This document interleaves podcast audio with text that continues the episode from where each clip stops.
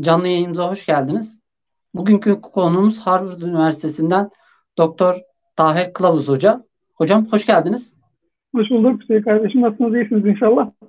Hamdolsun hocam. Çok sağ olun. Sizler de afiyettesinizdir inşallah. Ben de iyiyim. Çok sağ olun. Korona hocam, halinde bir şekilde yaşamaya çalışıyorum. e, hocam e, bugün konuğumuz Tunus ve Nahta Hareketi. Sizin doktora tezinizle de ilişkili bir konu. E, ben ilk soru olarak şunu sormak istiyorum. E, Tunus'ta e, laiklik uygulamaları ne zaman uygulanmaya başladı?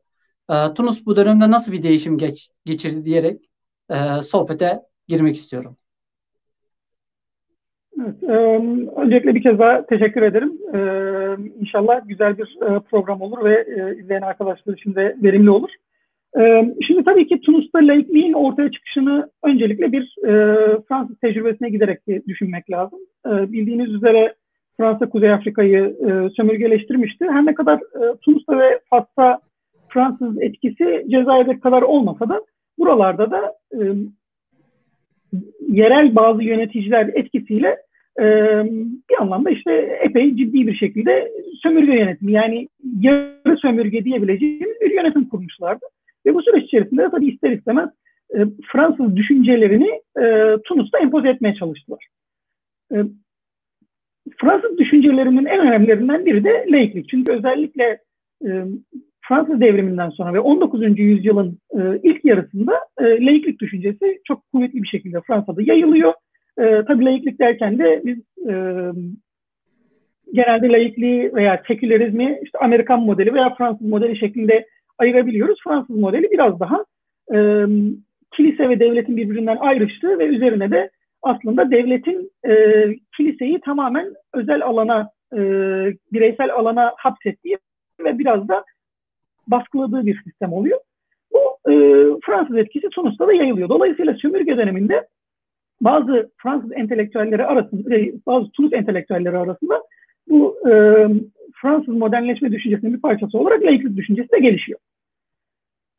Şimdi Tunus e, bağımsızlığını elde ettiği süreç, süreç içerisinde 1950'lerde aslında Tunus içerisinde tek mutlak görüş bu değil. Aslında evet yani kuvvetli bir görüş olarak bu var Tunus eliti içerisinde ama tek görüş bu değil.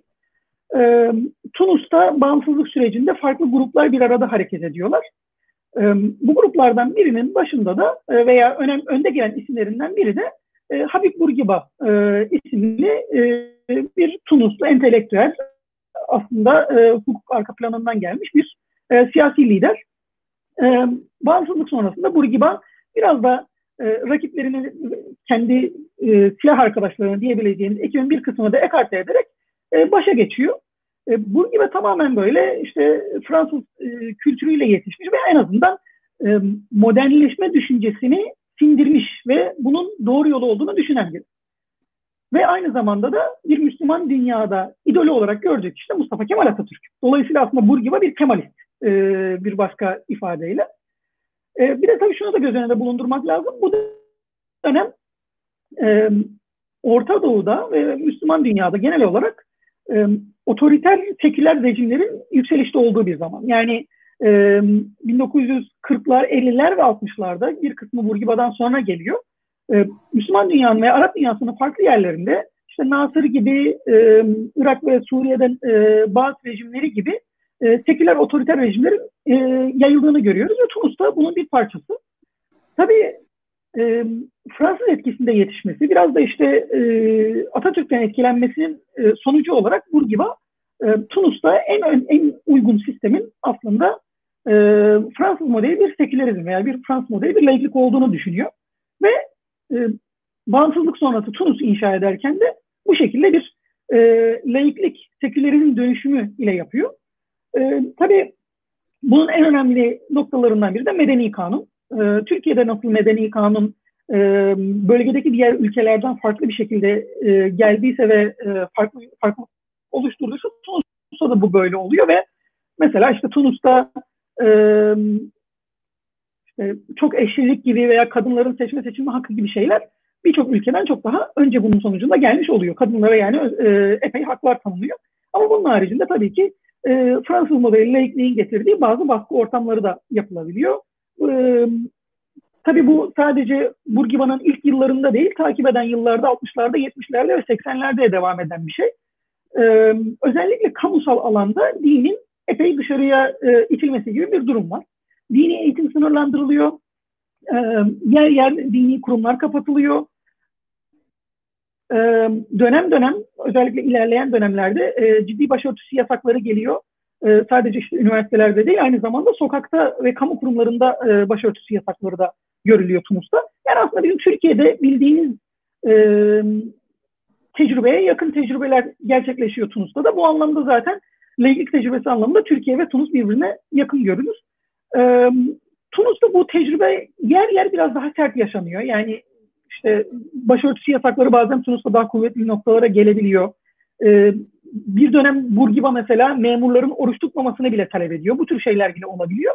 E, ama bir şekilde bu yıllar geçiyor ve e, Tunus açıkçası laikliğin Arap dünyasında en kuvvetli olduğu ülke olarak e, ön plana çıkıyor. E, bu şekilde bir giriş yapabiliriz belki laiklik anlamında.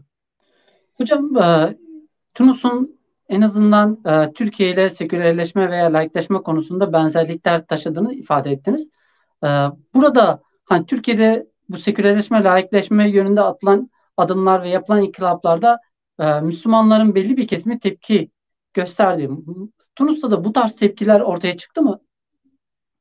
E, tabii ki yani e, bir kere şunu bir göz önünde bulundurmak lazım. Yani benzerlik kurarken özellikle işte bu Fransız modeli sekülerizm e, noktasında benzerlik olduğunu dile getirmek lazım. Yani e, iki ülkede de işte Amerikan modeli veya İngiliz modeli veya Alman veya e, Hollanda modeli veya içeriden oluşturulmuş bir sekülerizm modeli yok. E, tabii ki yüzde yüz Fransız modeli de değil bunlar. Fransız modelini uyarlıyorlar. Ancak e, ona biraz daha yakın. Bu anlamda bir benzerlik var. E, şimdi Türkiye örneğinde baktığımızda tabii ki 1920'lerde 30'larda verilen tepkiler biraz daha dönemin şartlarıyla biraz daha farklı tepkiler. Ee, ama uzun vadeye bakarsak yani Türkiye'de işte e, böyle belki 50'lerden itibaren veya özellikle işte 60'ların sonları 70'lerden itibaren verilen tepkilerle Tunus'ta yine 70'lerden itibaren verilen tepkiler epey benzer.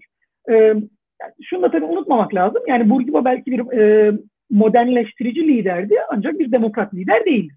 Ee, belki işte e, bir Kaddafi gibi, bir Saddam gibi eli en çok sopalı olan diktatörlerden değildi ancak nihayetinde bir otoriter rejim yönetiyordu ve e, ne muhalefete izin veriyordu ne de kendi oluşturduğu şeylere çok kuvvetli bir şekilde karşı çıkılmasına izin veriyordu.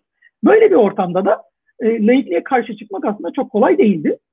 E, dolayısıyla bir e, İslami hareketin e, oluşması çok kolay bir durum değil. Şimdi baktığımızda Mısır'da İslami hareketin temelleri 1940'lara gidiyor. 1950'lerde İslami hareket görece e, kuvvetli bir konuma da geliyor. Ama bunları Tunus'ta o aşamada görmek pek mümkün değildi. Biraz da şartlardan dolayı. Buna tepkiler daha çok e, bireysel ve küçük grup e, temelinde başlıyor. Aslında işte Nahda Hareketi'nin veya e, onun e, öncülü olan İslami Eğilim Hareketi'nin başlangıcını da burada görmek mümkün. Özellikle 1960'ların sonu ve 70'lerde daha çok küçük okuma gruplarıyla veya küçük toplu, toplanma gruplarıyla bunlar başlıyor. E, o dönemlerde görece genç diyebileceğimiz 20'li yaşların sonunda 30'lu yaşlarında bir, e, bazı e, isimler bir araya gelmeye başlıyorlar ve e, bunu çok da aslında ilk aşamada siyasi olarak değil biraz kültürel faaliyet olarak gerçekleştiriyorlar. Ancak böyle şeyler zaman, zaman içerisinde zaten siyasi faaliyetlere de dönüşüyor. Bu e, okuma ve toplanma grupları zaman içerisinde e, biraz daha siyasileşiyor dediğim gibi ve 1981'de e, İslami Eğilim Hareketi e, diyebileceğimiz hareket kuruluyor. Ve bu hareket içerisinde tabii farklı gruplar var, farklı görüşler var. Yani bunu oluşturanların hepsi e, tek düze gruplar değil. Bir de tabii bu İslami Eğilim Hareketi'nin e, kuruluşuna bakarken şunu da göz önünde bulundurmak lazım. Birincisi evet Tunus'taki bu şartlar bu kuruluşta çok önemli. Yani Tunus'un e, laik yapısı bu hareketin çıkmasında içeriden önemli bir e, pay sahibi. Ama aynı zamanda ister istemez e, dışarıdan etkilenme de oluyor. Bu tabii şey demek değil. Yani e, Nahda veya İslami Eğilim Hareketi işte İhvan'ın bir e, şubesi değil Tunus'ta. Müstakil bir hareket. Ancak e, bir e, etkilenme oluyor. Özellikle işte birçok ülkede olduğu gibi İhvan'dan etkileniyorlar. Aynı zamanda da 79'da İran devriminin olması pek çok yerde olduğu gibi Tunus'ta da genç İslamcıları biraz heyecanlandırıyor. Onlar belki biz devrim yaparız diye düşünmüyorlar ancak onların aktivist olmasına vesile oluyor. Aslında hareketin kuruluşunun 81 olması da bu anlamda pek tesadüf değil. Ee, dediğim gibi yani hareket biraz Tunus'un kendi şartlarından biraz da e, domino etkisi diyebileceğimiz dışarıdan etkilenmeden de e, gerçekleşiyor. Tabii biraz sonra da konuşabiliriz. Hareketin yapısı yine e, Tunus koşullarında oluyor. Dolayısıyla NAFTA bu anlamda biraz diğer ülkelerdeki İslami hareketlerden biraz daha farklılık gösteriyor. Hocam e, bu NAFTA hareketi ve İslami eğilimler hareketi oluştuğunda, ortaya çıktığında mevcut rejim e, bastırma yönelik herhangi bir eylemler yapıyor mu? Tabii ki, tabii ki. Yani dediğim gibi 81 yılında kuruluyor. 80'li yıllar içerisinde NAFTA liderleri e, hapise girip çıkıp, çıkıp, girip çıkıp duruyorlar. Yani bu çok sık gerçekleşiyor. İşte yanılmıyorsam mesela Gannunshi 80'lerde iki kez hapse girip çıkıyor. E, bunun haricinde diğer lider, liderlerin de başına benzer şeyler geliyor. Tabii zaman içerisinde liderlik kadrosunda bölünmeler oluyor. Bazı isimler NAFTA'dan ayrılıyor. E, ve işte Gannunchi'nin başını çektiği liderlik e, orada temel olarak kalıyor. Ama dediğimiz gibi evet yani bir e, onların başına e, bir baskı kesinlikle geliyor. E, bir de tabii şu da var. Yani bu Tunus rejimi evet bir rejim ama aynı zamanda değişim ve dönüşüm de gösteriyor zaman zaman. 1987 bu anlamda Tunus için önemli bir yıl. 1987 yılında e, eski lider veya eski Cumhurbaşkanı Habib Bourguiba'dan e, yeni Cumhurbaşkanı Zeynel Abidin Bin Ali'ye bir geçiş görüyoruz. Zeynel Abidin Bin Ali öncelikle e, İçişleri Bakanlığı'ndan gelme sonra son son dönemlerinde de Bourguiba'nın başbakanlığını yapmış bir isim. E, ve 1987'de Bourguiba'ya karşı kansız bir darbe gerçekleşiyor, gerçekleştiriyor. E, kendisi İçişleri Bakanlığı'ndan gelmiş olduğu için ordu üzerinde olmasa da polis ve İçişleri e, emniyet güçleri üzerinde çok büyük bir etkisi var. Bunu kullanarak Burgiba'ya e, işte biraz da sağlık sebeplerini göstererek bir darbe yapıyor. Binali ilk geldiğinde e, aslında birçok kesim için Tunus'ta bir umut ışığı olarak görülüyor. Hatta bir balayı bile gerçekleşiyor ilk yıllarında. Çünkü Binali destek bulabilmek için farklı muhalif gruplara, Tunus'ta sadece İslamcılar yok, aynı zamanda sosyalistler var, liberaller var, e, milliyetçiler var. Bunlara e, biraz böyle işte şey umut dağıtıyor. Bunlara belirli sözler veriyor. E, demokratikleşme veya en azından liberalleşme olacağını söylüyor. Bunun bir parçası olarak bir de, olarak da 1989 yılında e, Tunus'ta seçimler gerçekleşiyor. Tabii bu seçimlerin e, demokratik seçimler olduğunu söylemek zor ancak önceki seçimlerle karşılaştırdığımızda biraz daha esneklik var. Aynı dönemlerde Tunus'ta muhaliflerin de katılımıyla bir e, ulusal pakt imzalanıyor. E, ileriye dönük olarak bir reform paketi olarak düşünebileceğimiz şeyler bunlar. E, tabii ki bunlar e, uzun vadede baktığımızda bu sözlerin tutulmadığını görüyoruz. 90'lar aslında Tunus'ta tekrar diktatörlüğün kuvvetlendiği dönemler. Ancak bu 89 şöyle önemli. 1989 seçimlerine e, Nahdalılar, o zaman artık Nahda adını almış durumdalar. Nahdalılar seçime katılıyor bir parti olarak katılamıyorlar çünkü e, NAFTA yasaklı bir parti, yasaklı bir organizasyon. Ancak e, bağımsız adaylarla seçime katılıyorlar. Tabii ki seçim sistemi dolayısıyla hiç e, rejim partisi haricinde hiçbir parti koltuk alamıyor ancak bazı şehirlerde beklentinin üzerinde oy alıyor Naftalılar. E, böyle olunca da tabii ki e, rejim ve Binali rejimi diyebileceğimiz rejim NAFTA'ya da ters dönüyor. E, zaten İslamcılar konusunda ciddi soru işaretleri var Tunus'un bu e, ortamı içerisinde. Ve bazı nahtalı gruplar da e, iddialara göre doğru da olabilir, olamayabilir. Onu da bilemiyoruz. E, çeşitli komploların içerisinde bulunuyorlar veya bulunmuş, bulundukları iddia ediliyor ve bunun sonu bunu da bahane göstererek Nahta'yı, e, Nahtalıları yargılamaya başlıyor e, Binali rejimi. E, bu da zaten zaman içerisinde Nahda'nın kapanmasına gidecek ve e, bu işte hapse girip çıkmaların sonunda da Nahda'nın liderlerinin bir kısmı 80'lerin sonu 90'ların başından itibaren ya sürgüne gidiyorlar ya da e, Tunus içerisinde e, hapse atılıyor. Hocam e, Nahta hareketinin e, diğer İslami oluşumlardan, cemaatlerden e, farkını söyleyebilir misiniz? Bir de Tunus'ta ne tür faaliyetler yapıyor Nahta? Partileşmeden önce. Ee, yani 89'dan önce diyorsanız ya dediğim gibi çok fazla e, topluma açık olarak aslında yaptıkları bir şey yok. E, daha küçük gruplar halinde işte zaman zaman e, toplumla böyle yani insanlarla bir araya geldikleri oluyor ama böyle NASA'nın düzenlediği büyük gösteriler vesaire bu, bu zamanlarda görmüyoruz. Öyle şeyler yok. Ee, ve aynı zamanda işte NASA'nın kurduğu işte sivil toplum örgütlerinden, e, yardım örgütlerinden vesaire bahsetmek de çok mümkün değil. Zaten 90'lardan sonra nafta ile ilgili her şey yasaklanmış olduğu için nafta tamamen yer altına giriyor. Bunlar e, hiçbir şekilde olmuyor. E, bu aslında mesela bizim e, ideolojik olarak değil ama belki pratik olarak Nahda'nın diğer İslamcı hareketlerden farklı olarak bahsedebileceğimiz bir nokta. Mesela Mısır'da Müslüman kardeşler örneğine baktığımızda e, dönem dönem Müslüman kardeşlerin toplum üzerinde çok daha e, yakın ilişki kurabildiğini görüyoruz. E, hem camileri kullanmaları biraz daha efektif hem de özellikle 80'lerden 90'lardan sonra sivil toplum örgütleri yoluyla, sendikalar yoluyla ve yardım faaliyetleri yoluyla toplum üzerinde çok etkili. Yani Bununla ilgili çok önemli çalışmalar var. Her ne kadar ismine bu Müslüman kardeşlerin hastanesidir veya e, sağlık kurumudur demeselerdi Müslüman kardeşlerin yürüttüğü veya yönettiği hastaneler var. Müslüman kardeşlerin e, az sayıda da olsa eğitim e, kurumları var. Müslüman kardeşlerin farklı yardım kuruluşları var. Şimdi halk bunları biliyor. Halk o yüzden Müslüman kardeşleri yakından görebiliyor. Onlar her ne kadar seçimlere katılamasa Ama Tunus'ta bunu çok fazla göremiyoruz. Tunus'ta çünkü yer altında eğer herhangi bir sağlık kurumu Ennahda ile beraber görülecek olsa kapatılır. Ee, özellikle 90'lardan sonra bunun böyle olduğunu görüyoruz. Şimdi işin bu pratik tarafı. İşin ideolojik tarafında da şöyle söyleyebiliriz. Tabii ki e, İslamcı olmaları bakımından Nahda birçok İslamcı hareketle benzerlik gösteriyor. Ama İslamcılık e, tek düze, monolitik bir şey değil kendi içerisinde çok farklı e, veciheleri olan e, bir ideoloji aslında. Yani e, Türkiye'deki İslamcılıkla Tunus'taki İslamcılık bir değil, Tunus'takiyle Mısır'daki bir değil, Mısır'dakiyle Libya'daki bir değil, Libya, Libya'dakiyle Türkiye'deki bir değil. Yani çok farklılıklar gö- görülebiliyor. Bu farklılıklar ne, nereden ve nelerden kaynaklanıyor onu anlamak lazım.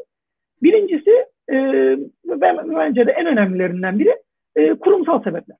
Şimdi kurumsal sebepler derken tabii ki e, demokrasi olup olmaması veya ne kadar siyasal alan olduğu çok önemli. İkinci noktada az önce bahsettiğimiz e, dinin devlet içerisindeki rolü çok önemli.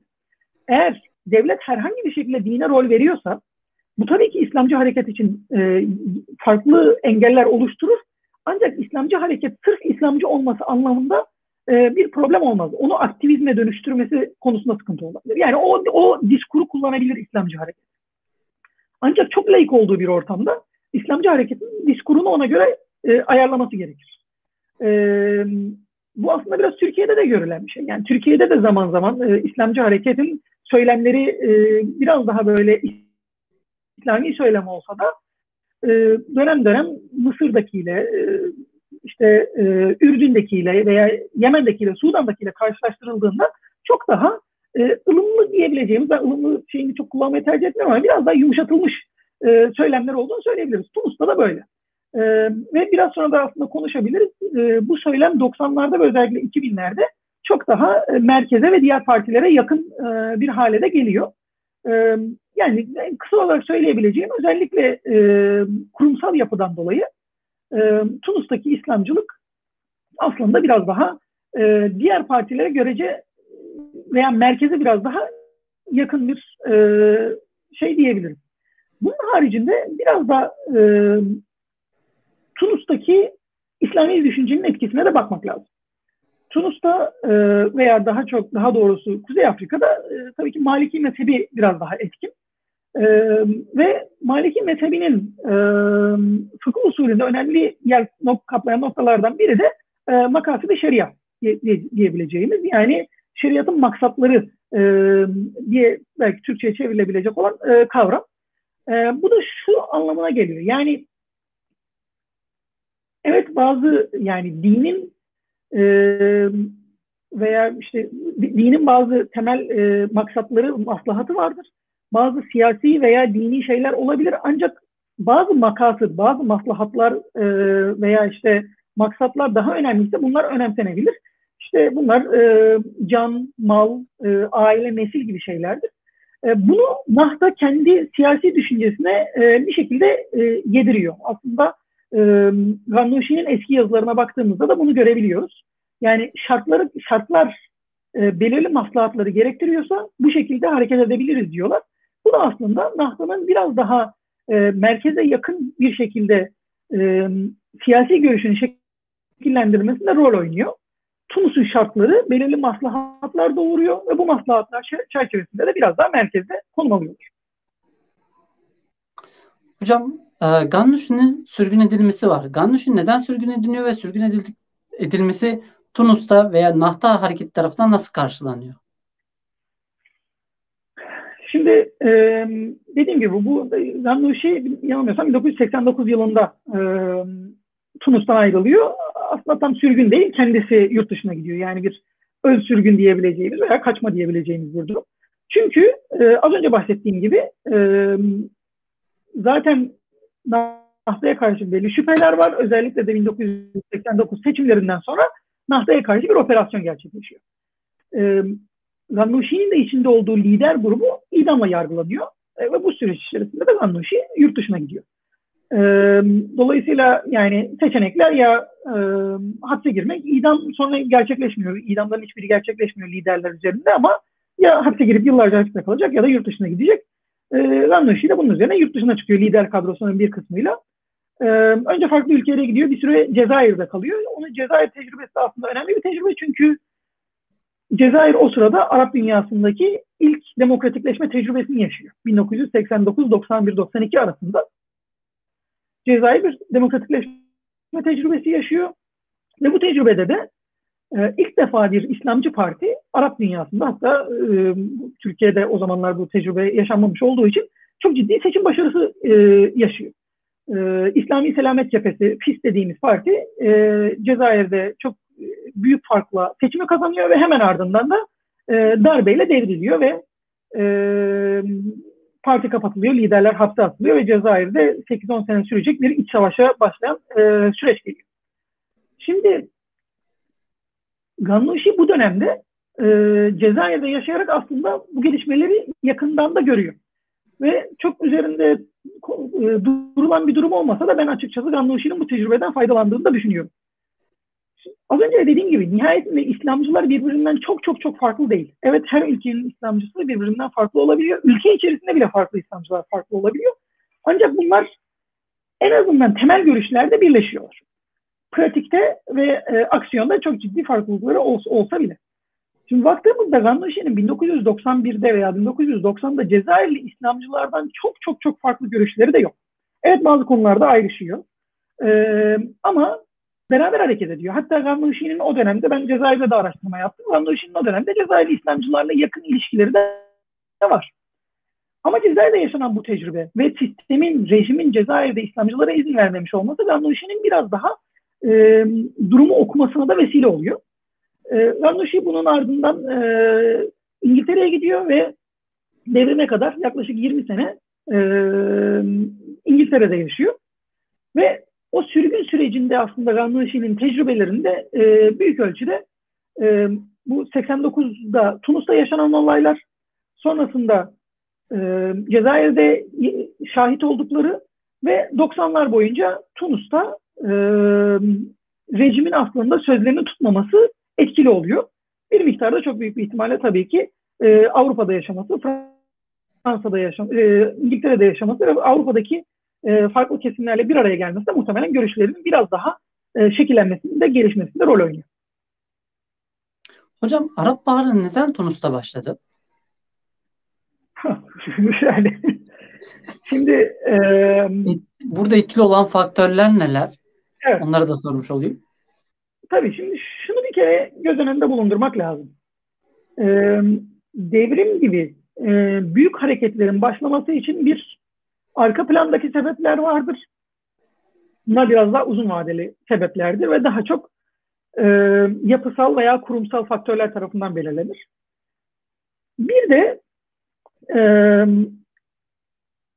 devrimi aslında tetikleyebilecek de diye, diyebileceğimiz e, yakın e, vadeli faktörler vardır. Şimdi bunlara baktığımızda e, sadece o uzun vadeli yani arka plandaki faktörlere baktığımızda neden Tunus'ta başladığını açıklamak çok kolay değil. Çünkü benzer şeyler başka ülkelerde de görülüyor. Neler bunlar? Ee, özellikle 1990'larda e, Binali ilginç bir ekonomik gelişme de getiriyor Tunus'a. Ee, biraz daha market ekonomisine, piyasa ekonomisine geçiyorlar. Uluslararası sisteme biraz daha açılmaya çalışıyorlar. Ee, bunun sonucu olarak da görece bir ekonomik gelişme Tunus'ta görülüyor. Ancak bu ekonomik gelişme 2000'lerden itibaren e, daralmaya başlıyor. E, yani o Binali'nin Tunus'ta sunduğu ekonomik refah bir anlamda e, ortadan kalkıyor. Bu bir sebep. İkinci bir sebep Binali e, yani birçok aslında otoriter rejimde olan bir şey ama Binali çok kuvvetli bir e, yolsuzluk ağı, yolsuzluk network'ü kuruyor. Ve bunu da e, kendi ailesi ve çevresindeki insanlar üzerinden yapıyor. Şimdi bu yani ben bunu hani normatif bir şey olarak söylemiyorum ama pratikte bahsettiğimizde eğer yolsuzluk biraz daha geniş bir kitleye yaygınsa, e, yayılmışsa o kitle e, yolsuzluktan çok da fazla rahatsız olmayabilir. Çünkü kendileri de bundan faydalanıyorlardır. Ama yolsuzluk sadece dar bir kitleye e, veya kitleye bile denemez, dar bir gruba e, hasredilmişse o zaman bundan rahatsız olacak gruplar çok daha geniş olur. Şimdi Tunus'ta da böyle bir durum var. Binali'nin kendi ailesi aynı zamanda da e, eşi Leyla Trablusi'nin ailesi çerçevesinde e, çok ciddi bir yolsuzluk ağı var. Ve bu da e, özellikle 2000'lerde bazı skandallarla ön plana çıkıyor. E, halk içerisinde ciddi bir e, tepkiye yol açıyor. Yani e, Binali'nin eşi e, Leyla Trablusi aslında çok e, Tunus'ta sevilmeyen hatta nefret edilen bir isim noktasına bile geliyor. E, bu da önemli bir rol. Üçüncü bir noktada e, siyasi alanın pek fazla kalmaması. Dediğim gibi yine 80'lerin sonunda o e, balayı ve e, reform sözlerinden sonra 90'larda bunun gerçekleşmeyeceği görünüyor. Ve 2000'lerde ciddi anlamda siyasal gruplar üzerinde baskı artıyor. E, şimdi Tunus sadece İslamcıları bastırmadı. Sadece onların üzerinde e, baskı oluşturmadı. Tunus farklı gruplar üzerinde de bunu yaptı. Tabii ki İslamcılar ve Nahda bunun zirve noktasıydı. Onu göz önünde bulundurmak lazım. Ama aynı zamanda Tunus'ta e, solcular özellikle sosyalist ve komünist hareket de epey bastırılmıştı. Bunun haricinde liberaller, işte milliyetçiler veya merkez solda yer alan partiler de siyasal temsil hakkına sahip değildi. E, bu gruplar o yüzden e, bir şekilde çıkış arıyorlardı. Ve e, 2000'lerde ciddi anlamda e, baskı da artmaya başlamıştı. Yani ee, evet belki işte seçimler yine oluyordu. Bazı partilerin böyle teker tek tük seçimlere katılmasına müsaade ediliyordu. Ama bu e, alan çok çok çok dardı. Dolayısıyla farklı siyasal gruplarda bunlar rahatsızdı. E, bunun üzerine çok ciddi bir e, güvenlik örgütünün de olduğunu söylemek lazım. E, Arap dünyasında pek çok yerde olduğu gibi istihbarat çok kuvvetli ve Binali kendisi e, işte polisin yardımıyla, güvenlik güçlerinin yardımıyla zaten e, başa gelmiş bir lider olarak ordu yerine aslında polis kuvvetlerini ve güvenlik güçlerini çok kuvvetli bir hale getiriyor. Ve e, güvenliği asayişi büyük ölçüde onlar sağlıyor. E, Tunus'un merkezinde işte Habib Bourguiba Caddesi vardır. Tunus'un en e, büyük caddelerinden biri. E, İçişleri Bakanlığı binası oradadır. Ve İçişleri Bakanlığı binası e, işte aynı zamanda polisin de koruduğu, polisi, polisi de yöneten o bina aslında Binali rejiminin temel binası olarak kabul edilir. E, Nahdalılar olmak üzere birçok siyasi muhalif o binanın e, içerisinde yani söylenenlere göre e, işkence görmüştür. E, ve yani o binanın şehrin merkezinde olması bile insanlar üzerinde ciddi bir e, baskı oluşturuyor. Şimdi bunlar bir araya geldiğinde aslında ciddi rahatsızlık var. E, tabii şunu diyebilirsiniz. Bu sadece Tunus'ta mı var? Diğer ülkelerde yok mu? Tabii ki diğer ülkelerde de var. Yani Mısır'da da var. E, Suriye'de de var. E, görece aslında e, işte devrimin çok onlarda da basit geçmedi ama görece hafif geçtiği Ürdün'de de var. Yani bunlar, bu sıkıntılar başka ülkelerde de var. Ama bazen e, işte bu e, arka plandaki sebeplerin üzerine bir de kısa vadede sebepler gerekiyor. İşte Tunus'ta da o tetikleyici meşhur e, bir e, sokak satıcısının kendisini yakması oluyor. E, bu olay gerçekleştiğinde ben Fransa'daydım. O, e, orada bir dönem geçirmiştim. E, ve çevremde de çok fazla işte e, Kuzey Afrikalı arkadaş vardı. Tunuslu arkadaşlarım da vardı. Hatırlıyorum e, bu Azizi'nin kendisini yakmasından sonraki hafta daha o zaman devrim falan yok. Kimse devrimden bahsetmiyor. Tunuslu arkadaşlarım heyecanlı bir şekilde işte Tunus'taki gösterilerden bahsediyordu. İşte böyle gösteriler başladı. İlk defa böyle şeyler görüyoruz. E, çok şaşırdık diye. Onlarla konuştuğumuzda işte acaba bu ciddi bir şey dönebilir mi diye düşündüğümüzde yani ben de bir şey döneceğini sanmıyordum. Onlar da çok fazla açıkçası beklemiyorlardı. Heyecanlanmış olsalardı.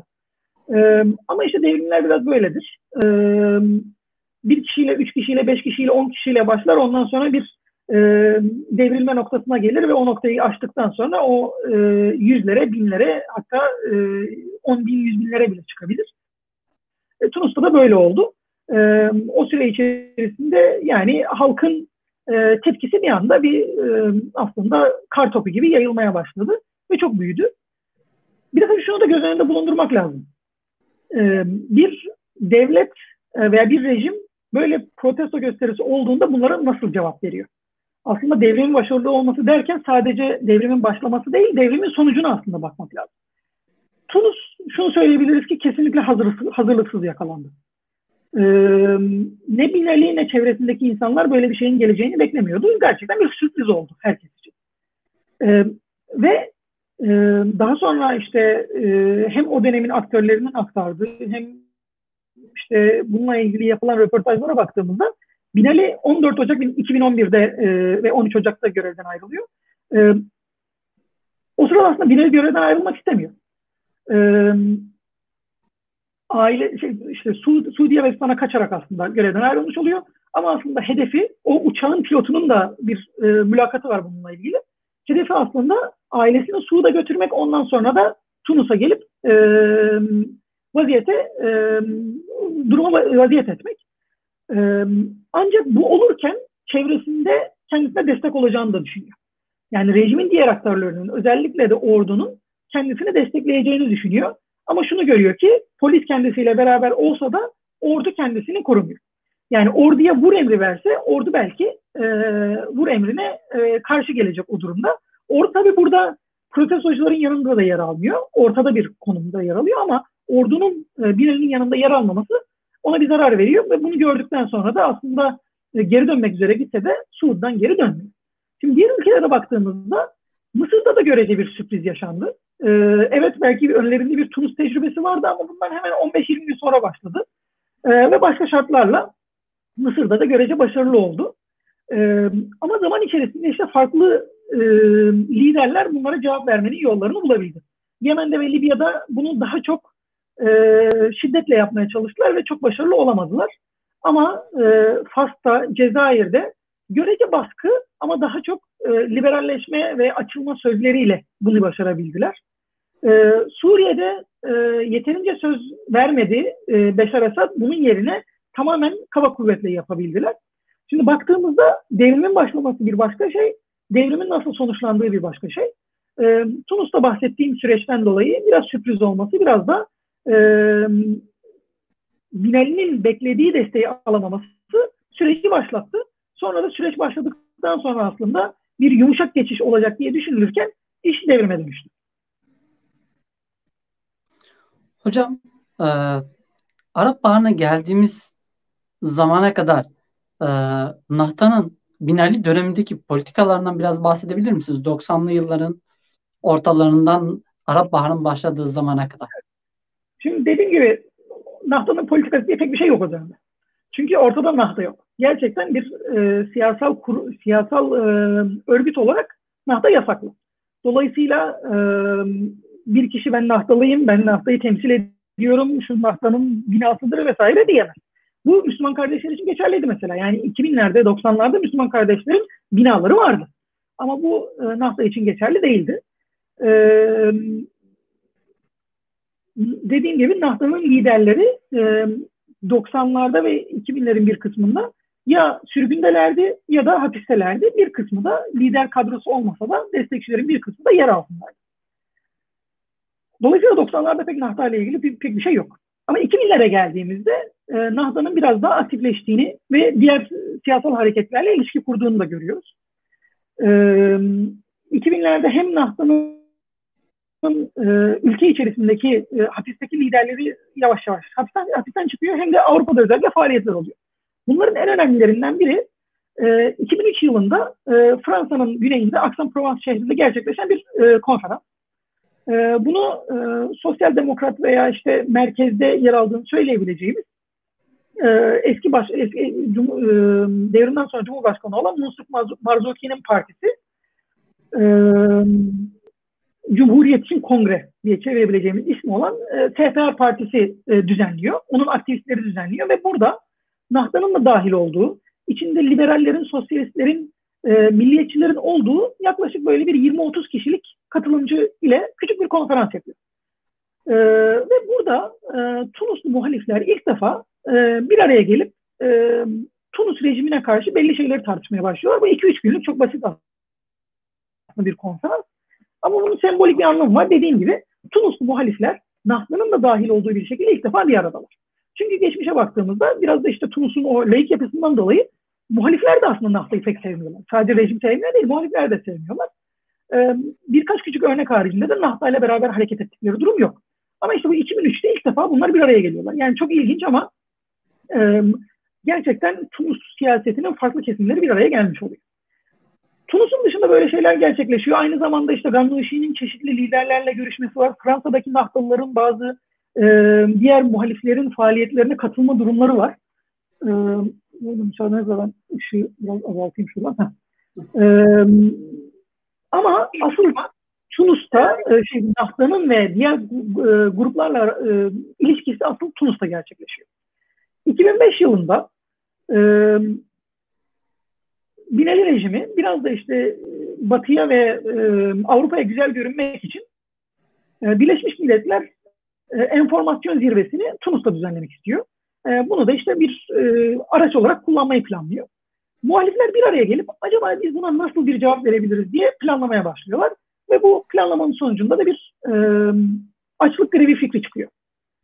Bunun sonunda e, 8 aktivist, e, 4 farklı siyasal partiden ve 4 farklı sivil toplum örgütünden 8 aktivist bir araya gelip bir aylık bir açlık grevine başlıyor. Burada önemli olan nokta şu. Bu 8 aktivist içerisinde e, PDP biraz işte e, merkezde yer alan liberal diyebileceğimiz bir partinin lideri, e, Komünist Parti'nin lideri, e, az önce bahsettiğim Marzuki'nin partisinin ikinci, üçüncü isimlerinden biri ve Nahda'dan bir temsilci var. Bunun haricinde sivil toplum örgütlerinden temsilciler arasında da, arasında da sosyal demokrat, e, solcu ve biraz da İslami eğilimi olanlar da var.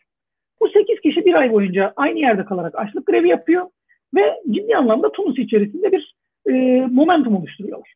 Açlık grevini bitirdikten sonra ne yapabiliriz, bunu nasıl çeşitlendir, dönüştürebiliriz diye düşünüyorlar ve bir e, muhalefet koalisyonu kurmaya karar veriyorlar. 18 Ekim koalisyonu denen bir koalisyon kuruyorlar. Bu 18 Ekim e, greve başladıkları tarih. Onun ardından isimlendiriyorlar. E, ve bu koalisyonu kurarak bunu takip eden 3-4 sene içerisinde düzenli olarak bir araya gelip e, toplantı yapıyorlar ve geleceğin Tunus'unu nasıl inşa edebiliriz diye e, tartışıyor. Bu toplantılar aslında hem Nahda için hem de diğer partiler için çok önemli. Çünkü yıllar boyunca bu partiler e, veya bu siyasal hareketler e, birbirlerini hem daha iyi tanıyorlar hem de bazı noktalarda birbirlerine taviz vermeye başlıyorlar ve birbirlerine güvenmeye başlıyorlar. Nasıl oluyor? İşte bu süreç aslında Nahda'nın e, zaten dönüşmekte olan veya gelişmekte olan siyasi görüşünü biraz daha şekillendirmesine vesile oluyor. Şimdi Nahda için e, demokrasi söylemi zaten 90'larda da az çok vardı. İnsan hakları söylemi zaten Gannouchi'nin 80'lerdeki yazılarına baktığımızda vardı. E, kadınlar hakkındaki söylem başka İslamcılardan görece farklıydı. Din devlet konusunda çok kuvvetli olmasa da e, zaman zaman e, ayrım olabileceğine dair referanslar vardı. Ama bunların çok daha netleşmesi işte bu süreç içerisinde oluyor. Nasıl netleşiyor? Belki Gannouchi'nin sahip olduğu bu görüşler aslında partinin de kabul ettiği bazı prensiplere dönüşüyor. Bu da e, bu koalisyon sonucunda e, imzalanan e, bazı metinler sonucunda gerçekleşiyor. Bu koalisyon temelde üç metin e, üzerinde anlaşıp katılımcıların tamamı tarafından imzalanıyor. E, bunların bir tanesi Tunus'ta çoğulculuk olacağı yönünde, bir tanesi Tunus'ta din devlet ayrımı olacağı yönünde, üçüncüsü de Tunus'ta kadın e, hakları üzerinde. E, bu konuda anlaştıkları belgeleri Nahda'nın imzalamış olması aslında e, o dönemde diğer diğer ülkelerde pek görülmüş bir şey değil. E, özellikle Arap dünyasında hiç görülmüş bir şey değil. Bu da Nahda üzerinde epey etkili oluyor. İşte bu koalisyonun bir parçası olarak Nahda aslında bir muhalefet bloğunun e, İslamcı temsilcisi oluyor Binali rejimine karşı. İşte böyle bir ortamda aslında gelmiş oluyoruz. Hocam bu üç başlıkta anlaşıyorlar ama e, bu başlıkların alt kategorilerinde de anlaşmazlık yaşıyorlar mı? Çünkü yani başlıklar konusunda hani çok da anlaşılmayacak bir şey gibi durmuyor ama bu başlıkları doldururken nasıl bir sorunla yani, karşılaşıyorlar? Zaten başlıklarda anlaşmıyorlar. Başlıkların altındaki metinlerde anlaşıyorlar. Ee, o çok da kolay bir şey değil. Bu toplantılar 3-4 yıl sürüyor. Yani e, üç kez toplandık ondan sonra hadi şöyle bir e, e, kararı imza atalım şeklinde değil. E, bir yandan rejimin baskısı varken gizli gizli toplanıyorlar. Yaklaşık 20-25 kişilik bir e, koalisyon bu. İçinde Nahda'nın temsilcileri var. En önemlilerinden biri daha sonra e, 2012-2013'te başbakanlığı da yapmış Ali Laray. E, ama onun haricinde 2-3 temsilcisi daha var. E, top, düzenli olarak toplanıyorlar ve bu konuları tartışıyorlar. Şimdi bu konuları tartışmak çözüm bulmak anlamına gelmiyor. E, nihayetinde e, sosyalistler bir şey istiyor, Nahdalılar bir şey istiyor, liberaller başka şey istiyor. E, tamam belki herkes çoğulculuk istiyor olabilir, o biraz daha kolaydır. Ama din ve devlet ve kadın hakları konusunda özellikle seküler aktörlerin Nahda'dan ciddi beklentileri var. Bunları kabul etmek de o kadar kolay değil tabii ki. E, bu toplantılarda ciddi tartışmalar gerçekleşiyor. Ben tez araştırmamın bir kısmını bu toplantılar üzerine yaptım ve o koalisyonun temel aktörleriyle de e, görüştüm. Şimdi yani mesela bir, bir sosyalist e, katılımcı hatırlıyorum şöyle demişti. Yani hepimiz için çok zordu. Bizim bunları kabul etmemiz hepimiz için çok e, zor oldu. Zaman zaman toplantılarda küçük kavgalar bile gerçekleştirdik. Ama bir şekilde hepimiz kabul ettik. E, bir başkası da mesela şunu söylemişti. Biz toplantıda bir şey için anlaşıyoruz. E, ama toplantının Nahda'nın işte 3 numaralı, 5 numaralı, 7 numaralı isimleri var mesela. Lideri yok e, bu aldığımız kararlar önce Londra'ya gidiyor. Çünkü liderler orada veya Fransa'ya gidiyor. Liderlerin bir kısmı orada. Orada tartışılıyor, orada değerlendiriliyor. Ondan sonra belki bazı değişikliklerle geri geliyor. Tabii bu o kararları göndermek de kolay değil çünkü rejim takip ediyor. Onlardan da kaçmak lazım. Dolayısıyla bu kararların ulaştırılması için birinin oraya seyahat etmesi gerekiyor zaman zaman. Dolayısıyla yeri geliyor 3 ay boyunca toplanamıyorlar e, toplandıktan sonra da tekrar her şeyin üzerinden geçmek zorunda kalıyorlar. Yani bunlar kolay değil ama e, Tunus'ta ortak olarak e, rejime karşı bir şey yapabilmenin veya rejim gittikten sonra bir şey inşa edebilmenin en doğru yolunun bu olduğunu düşünüyor. O yüzden de böyle hareket ediyorlar. Ben burada hocam izleyiciler şunu hatırlatmak istiyorum. Kendileri bu konuyla ilgili size iletmek istedikleri sorular varsa canlı sohbet kısmında bu soruları bize iletebilirler. Ben de oradan size ileteceğim sor- soruları. Hocam Arap Baharı dönemine tekrar geri geleceksek bu Arap dönem, Baharı döneminde Nahta nasıl bir pozisyon üstleniyor ve halkın nasıl bir desteğini alıyor? Bu kadar kısa bir sürede. Yani aslında bu kısım şu ana kadar konuştuğumuz e, kadar konuşulabilecek bir kısım ama e, biraz da soru cevap içinde vakit bırakalım istiyorsak ben biraz daha e, özetleyerek buraya geçmeye çalışayım. Gerekirse biraz daha üzerinde dururuz. E, şimdi Binali ayrıldıktan ve bir anlamda rejim ilk anlamda ilk aşamada başarıya ulaştıktan sonra e, Nahda'nın ilk amaçlarından biri Gamnuşi'yi geri getirebilmek. E, tabii bu sırada her parti kendi içerisinde örgütlenmeye başlıyor. E, ne yazık ki az önce bahsettiğim e, muhalefet koalisyonunun aktörleri bir araya gelip acaba beraber hareket edebilir miyiz diye bir toplantı yapsalar da bu toplantı 17 Ocak'ta oluyor. Yani Binali ayrıldıktan 3-4 gün sonra. E, bir toplantı yapıyorlar ama herkes ayrı telden çalıyor. Kimisi ya reformlarla devam edelim diyor. Bir tanesi kendisi Cumhurbaşkanı olmayı planladığı için çok kendini bağlamak istemiyor. Nahda'nın derdi Gannuşi'yi getirmek. Ee, bir başkası işte hemen e, anayasa yazımına başlamamız lazım diyor vesaire. Hiçbiri anlaşamıyor. Ve bunun üzerine koalisyon zaten yıkılmış olan koalisyon e, devam edemiyor. E, dediğim gibi Nahda e, önceleri Randoşi'yi geri getirmeye çalışıyor ve Randoşi geldikten sonra da Randoşi'nin liderliğinde e, siyasal sürecin bir e, parçası oluyor. E, tabii bu epey uzun bir süreç. E, burada kurulan farklı e, yani meclis diyemem ama işte meselelerin tartışıldığı bazı mini meclisler var veya e, bazı toplantılar oluyor, bazı görüşmeler oluyor farklı gruplar arasında. E, bunlar aslında e, devrimin ilk yıllarındaki süreci şekillendiriyor. Ama bunların sonucu kısaltacak olursak verilen karar e, 2011'in sonlarına doğru ilk seçimlerin yapılması ve bununla da bir e, ilk meclisin kurulması. Bu mecliste de bir e, anayasa yazımı yapılması yönünde. E, bu ilk seçimleri de NAHDA e, birinci parti olarak tamamlıyor. Şimdi dediğim gibi NAHDA aslında halk üzerinde çok çok çok büyük bir e, pratik etkiye sahip değil. E, çünkü yani birebir ilişki kuramıyorlar. Ama e, NAHDA'nın yine bir tanınırlığı var. E, ve yani birçok başka e, Arap dünyasındaki ülkede olduğu gibi İslamcı harekete de görece bir destek var. E, bunun sonucu olarak da e, birinci e, geliyor. E, ama en önemli nokta e, şu ki Nahda kendisi e, hükümet kurabilecek kadar e, koltuğa sahip olamıyor. Ancak küçük partilerden yanına çekerek hükümet kurması mümkün. İşte burada yaptığı en önemli şeylerden biri e, küçük partilerle hükümet kurmak yerine dengenin biraz daha olacağı seçimde ikinci ve üçüncü sırayı koltuk sayısı noktasında ikinci ve üçüncü sırayı almış partilerle hükümet kurmak. Bu partilerden biri az önce işte bahsettiğim Marzuki'nin Sefer Partisi yine merkezde hafif e, sol ama muhafazakar bireylerin de olduğu bir parti. E, bir diğeri de Ettekettül isimli e, Sosyal Demokrat bir parti. Yani ikisi de aslında seküler partiler. İşte bu partilerle hükümeti kuruyor. Troika hükümeti denilen bir hükümet. Bu anlamda da aslında e, geçiş sürecini beraber yürütmeyi e, hedefliyorlar. E, tabii şunu da unutmamak lazım. Bu iki parti hem 2003'te hem de 2005 sonrası o koalisyon sürecinde NAHTA'nın ortak hareket ettiği partiler. Yani birbirlerini tanıyorlar. Zaten o süreçlerde bu hükümetin kurulması için çok önemli bir rol oynuyor. İşte bu süreçte e, Troika hükümetinin tabii doğruları ve yanlışları çok oluyor. Yani devrim süreçleri çok kolay değil. Pratikte özellikle ciddi hatalar da yapıyorlar süreci yönetirken. E, en önemlisi anayasayı bir sene içerisinde yazması gerekirken meclisin e, bu bir seneyi aşıyorlar. E, iki sene, üç sene, neredeyse iki buçuk seneyi buluyor.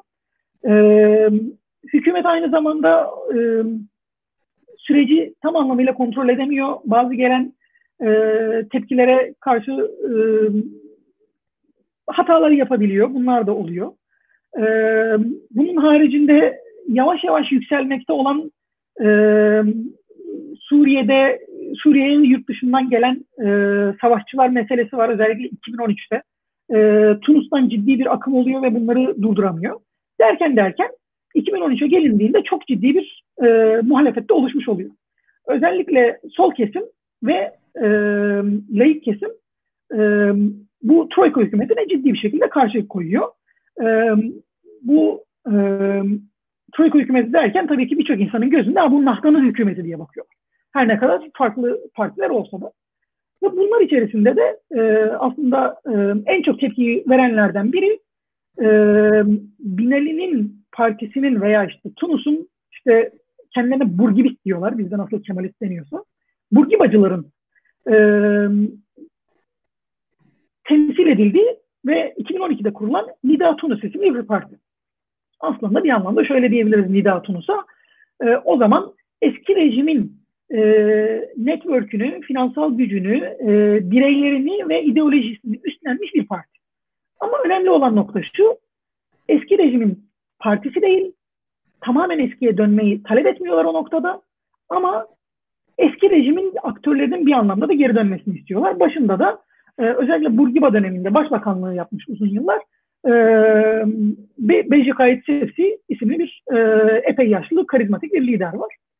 E, bir yandan işte Nida Tunus'un yükselişi, bir yandan e, farklı kesimlerin protestolarının artması ve bir yandan da özellikle muhalefetteki, meclisteki, meclisin muhalefetindeki e, milletvekillerinin e, meclis faaliyetlerini durdurmak üzere e, eylem yapmaya başlaması bir anlamda Tunus'ta devrim sürecini bir kilitlenme noktasına getiriyor. 2013'e geldiğimizde bu var. Ha bir de önemli nokta şu.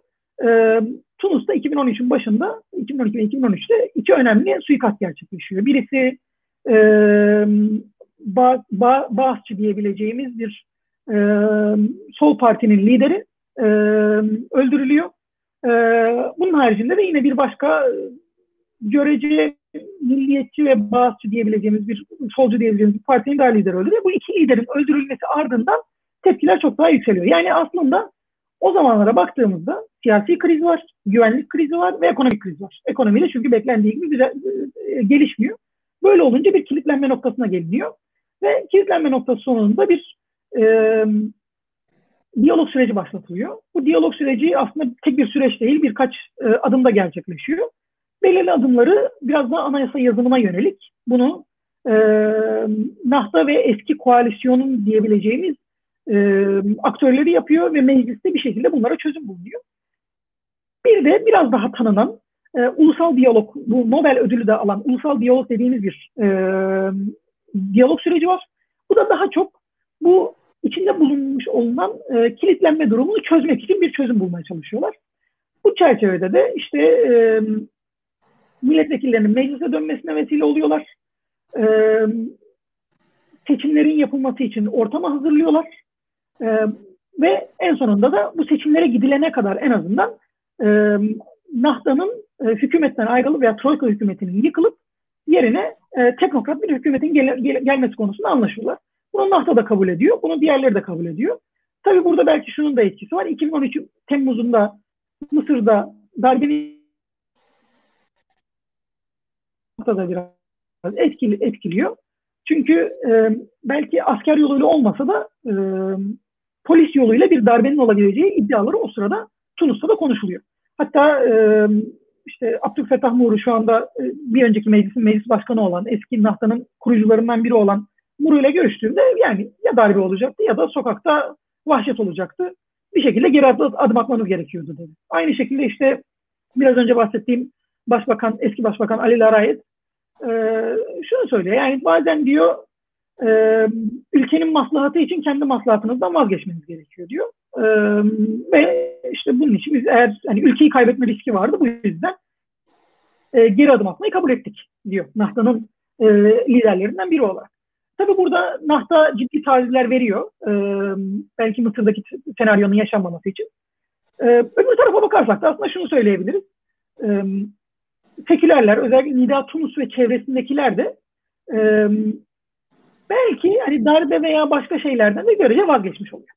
Nahta'yı sistemin bir parçası olarak kabul etmiş oluyorlar yani. Ee, hatta bununla ilgili gizli anlaşmaların yapıldığı da söyleniyor. İşte tamam biz hükümetten çekilelim, sizi destekleyelim, siz de bizim yok olmamıza sebep olmayın gibi anlaşmalar yapıldığı da söyleniyor. Onları bilemeyiz tabii ki ama e, bir şekilde e, hükümetten çekilme noktasında Nahta taviz veriyor. Diğerleri de ne kadar taviz diyebilirsek Nahta'nın sistem içerisindeki devamlılığını kabul etmiş oluyor. Hocam bu noktada şunu sormak istiyorum. Ee, diğer Arap Bahar'ın başladığı ülkelere baktığımızda ilk dönemlerde ve sonraki dönemlerde Nahta'nın e, ve e, Tunus'ta bir başarı kazandığını görüyoruz. Yani Arap Bahar'ın neredeyse sadece Tunus'ta başarılı oldu denecek noktaya geldi. Neden sadece Tunus'ta bu derece bu kadar başarı elde etti? Evet, yani şimdi tabii şunu da öncelikle söylemek lazım. Yani başarıyı nasıl e, tanımladığımıza bağlı. Eğer başarıyı demokratik sistemin kurulması olarak e, koyuyorsak evet. Yani sadece en sonunda bunu Tunus başarabilmiş oldu. Özellikle Mısır'da darbe olması sonrasında. Ama şunu da unutmayalım. Tunus'ta kurulmuş olan demokratik sistem çok çok güzel işleyen bir demokratik sistem değil. Evet Arap dünyası içerisinde şu anda en e, iyi durumdaki sistem Tunus'ta. Ama kendi demokrasi, Tunus demokrasisinin ciddi sıkıntıları da var. Özellikle 2014 sonrasında bunu gördük. Şu anda da görece yaşanıyor. Ee, ama neden peki Tunus böyle başarılı oldu, diğerleri olamadı? Aslında biraz önce bahsettiğim noktalara e, geri dönüş yapabiliriz. Ee, Tunus'ta e, siyasal aktörler diyalog yoluyla ve taviz yoluyla çözüm çözüm aramaya gittiler. Bunu sadece e, sekülerler veya sadece İslamcılar yapmadı. Üç aşağı beş yukarı hepsi yaptı. Tabii ki Tunus içerisinde de daha e, katı olanlar vardı. Hem Nahda içerisinde taviz vermek istemeyenler vardı hem sekülerler içerisinde taviz vermek istemeyen darbe yapalım diyenler vardı. Bu noktada Mısır'dan çok farklı değildi mesela. Ama son aşamaya gelindiğinde o tavizler verilebildi ve diyalog bir şekilde başarıya ulaşabildi. Ben bunu açıkçası biraz da o 2000'lerde bahsettiğim tecrübelere bağlıyorum. Ee, baktığımızda mesela e, Mısır'da İhvan'ın tek böyle bir tecrübesi yok. Evet, tek tük koalisyon kurma çabaları var. Ee, mübarek rejim altında başka muhaliflerle koalisyon kurma çabaları var. Ancak birbirlerini çok fazla tanımıyorlar. Birbirlerine güvenmiyorlar. Ee, bir ortak Mısır vizyonları yok. Ve böyle olduğunda da e, özellikle seçimi açık ara kazandıktan sonra İhvan Mısır'da ben tek başıma hareket ederim. Niye başkalarıyla bir, beraber hareket edeyim diyor. Diğerleri de aman Allah'ım İhvan geldi e, bizi mahvedecekler. Biz kesinlikle onlara izin vermemeliyiz. Ne olursa olsun onlar gitmeli noktasına geliyor 2013'te mesela. Şimdi, Tunus'ta da bunu diyenler var. Ama dediğim gibi Tunus'ta bir kere birbirlerini biraz daha tanıyorlar. Dolayısıyla diyalog kapısı biraz daha açık. Görece birbirlerine güveniyorlar. Tüm aktörler olmasa da e, bazıları birbirlerine güveniyor. Ve bir şekilde diyalog yapmayı, taviz vermeyi daha önce öğrenmiş durumdalar. Şimdi anayasa tartışmaları çok uzun sürdü. Kolay kolay tamamlanamadı demiştim. Ee, aslında burada biraz bu Nahda'nın da e, etkisi var veya suç da diyebiliriz nasıl diyebilirsek. Çünkü e, 2012'de mesela e, mecliste anayasa tartışmaları sürerken bazı Nahdalılar e, işte daha önce o imzaladıkları belgelerin aksine e, öneriler sunuyorlar. E, solcular da kalkıp e, olur mu ya öyle şey kadın hakları olması lazım işte din devlet ayrılması lazım gibi şeyler söylüyor mesela. Bu tür şeyler nahta içerisinde de oluyor. Nahta da tek düze değil. Bu tür şeyleri nahta da kendisi tartışıyor. Ama son noktada nahtanın karşısına bakın siz bunları imzalamıştınız, biz bunlar üzerinde anlaşmıştık diye getirildiğinde işte onları kabul etmeleri daha kolay olabiliyor. Veya bakın biz de aynı şeyi istiyoruz. Biz de Tunus'ta demokrasinin olmasını istiyoruz. Ee, siz evet belki vazgeçeceksiniz ama demokratik sistem devam edecek dendiğinde Nahta bunu kabul edebiliyor. Veya Nahta diğerlerine şey diyebiliyor. Biz sizi yıkmak istemiyoruz. Evet demokratik sistemde biz yönetmek istiyoruz. En güçlü biziz çünkü. Ama size de alan, alan bırakmak istiyoruz. Hatta sizinle koalisyon kurabiliriz. Böyle şeyler olduğunda e, anlaşmak ve taviz vermek biraz daha kolay oluyor. Ben işte biraz açıkçası o eski tecrübelerin etkisiyle e, taviz vermenin biraz daha kolay olduğunu düşünüyorum Tunus'ta. E, diğer ülkelerde bunu görmüyoruz. Muhtemelen Tunus'ta demokratikleşmenin başarılı olması biraz.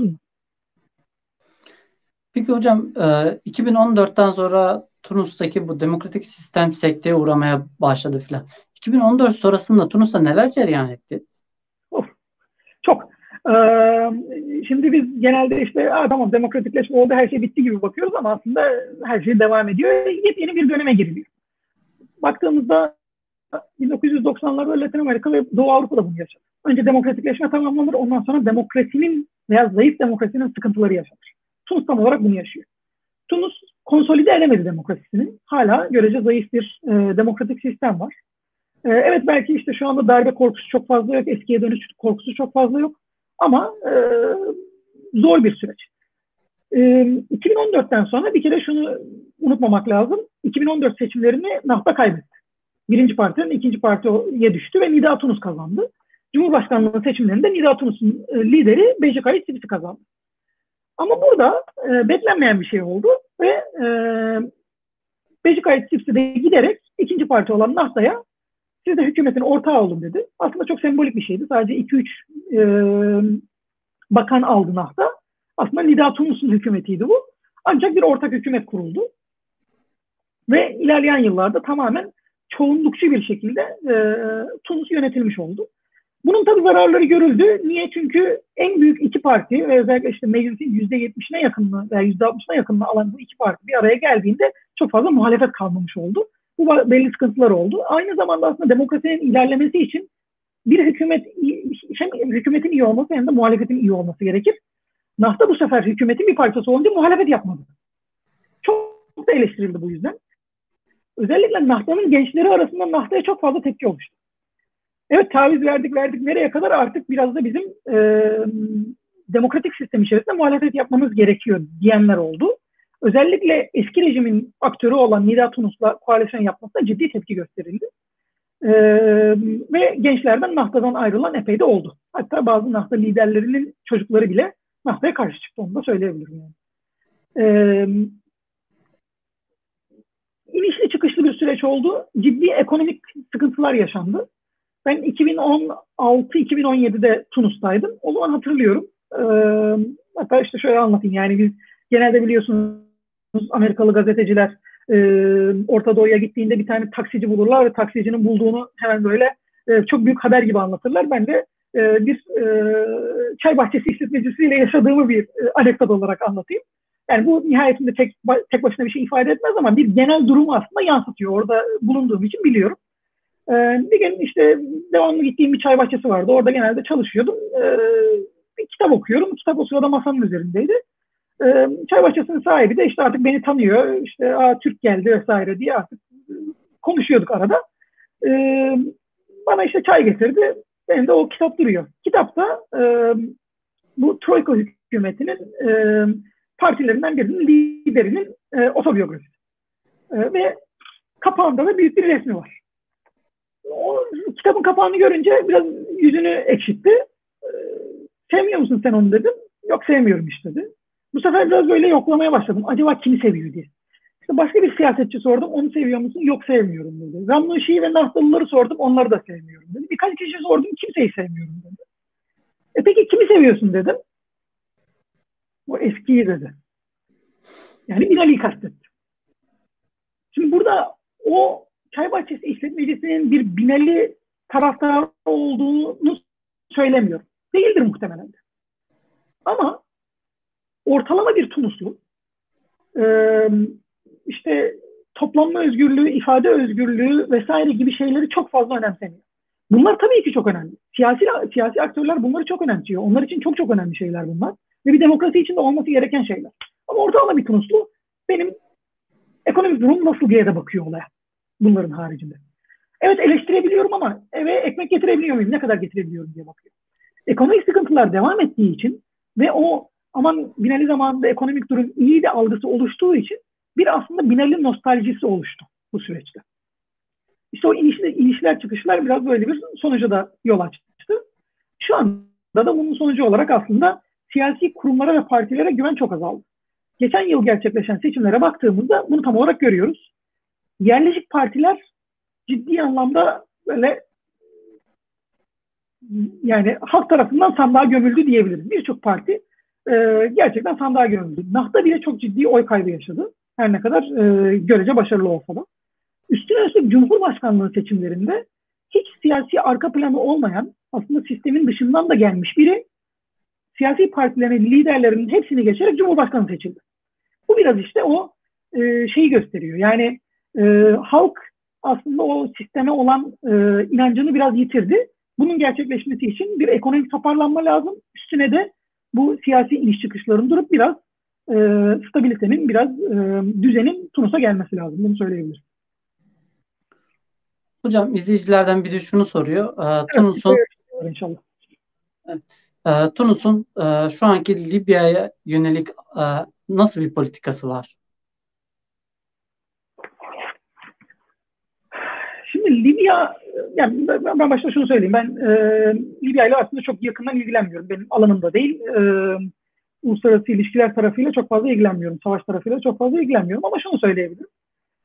E, yani Libya, Tunus için çok önemli çünkü Libya'da ciddi e, ekonomik kaynaklar var. Tunus'ta da Libya için bazı imkanlar var. Yani e, yıllardan beri bu yani Kaddafi zamanında, Binali zamanında da olan bir şey. E, yani Libya'dan e, Tunus'a ciddi turizm gelir mesela. İşte sağlık turizmi için gelirler. E, eğlence turizmi için gelirler. Bu çok olur. E, bunun haricinde birçok e, ürünü Tunus'tan alırlar. E, özellikle Tunus'un Libya sınırındaki e, şehirlerde işte Bengar'da, Bengar'den gibi şehirlerde ciddi e, bizim eskiden Türkiye'de Rus pazarları olurdu. E, işte bavul ticaretiyle getirilmiş ürünler vergisiz olarak satılırdı. Çok daha ucuza satılırdı. E, ve insanlar orada alırdı. Yani 1990'larda böyle olurdu. E, buna benzer şeyler oluyor e, Tunus'ta da.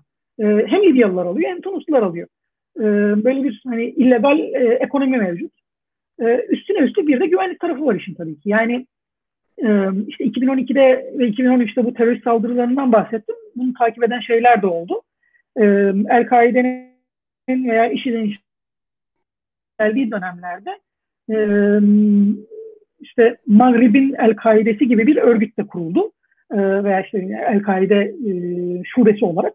E, ve Tunus içerisinde ciddi faaliyetler gösterdi. Libya'nın tabii ki e, böyle bir durumda olması bu e, gruplara da imkan sağlıyor. Çünkü istedikleri zaman Libya'ya kaçabiliyorlar. Hatta az önce bahsettiğim Bengardan şehrinde e, grup kısa bir süre şehri işgal etmeye bile çalıştı. Sonra durduruldu. Yani bu tür şeyler Tunus'u çok fazla etkiliyor. Dolayısıyla Tunus'un birinci amacı Libya'nın e, bir şekilde düzene e, girmesi. E, Tunuslu farklı aktörler Libya'da farklı grupları tutuyor. Ama Tunuslu aktörlerin tamamı Libya'da savaşın bitmesini tutuyor. Onu söyleyebilirim. E, yani zaman zaman hatta işte Zannuşi'nin ve başka aktörlerin girişimleri de oldu onlar arasında e, arabuluculuk yapmak için. Ama şu anda Tunus için veya Tunuslular için en önemli şey Libya'da savaşın durması.